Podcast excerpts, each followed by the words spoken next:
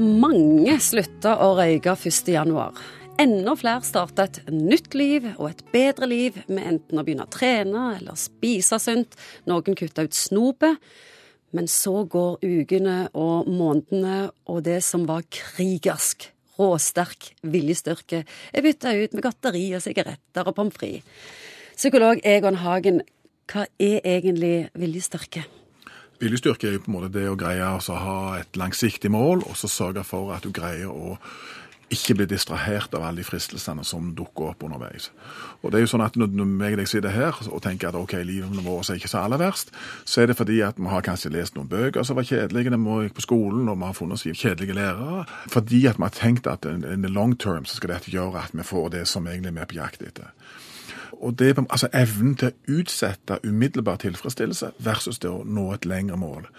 Og Det er et sånn klassisk eksempel fra psykologien hvor unger får da spørsmål når de jeg vet ikke hvor gamle de er, åtte-ni år. Vil du ha én marshmallow nå, eller vil du ha tre marshmallow om, om uh, tre kvarter?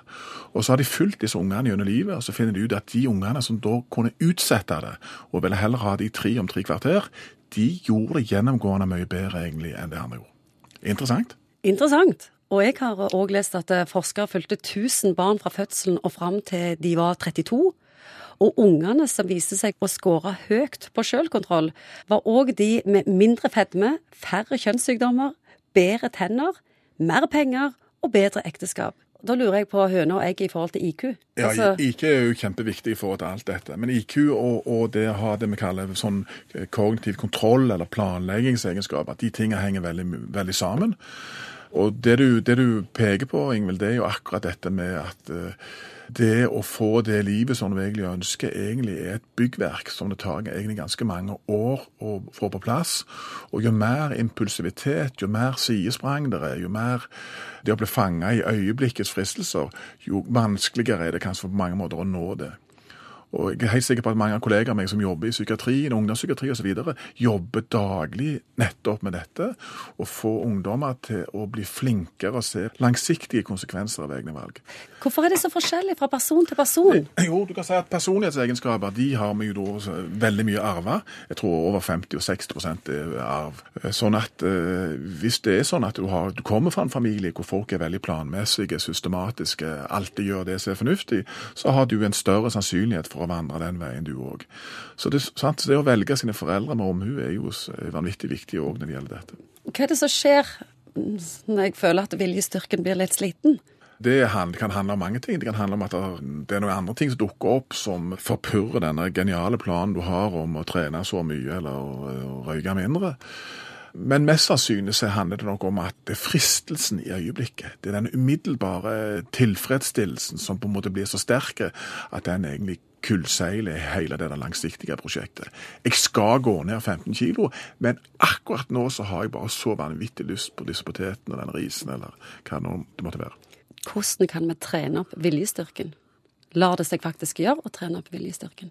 Jeg tror at hvis du skal på en måte komme noen vei, så må du i hvert fall akseptere at eh, Rom ble ikke bygd på én dag. Og så må du kanskje se at, at det perfekte er ikke det godes fiende.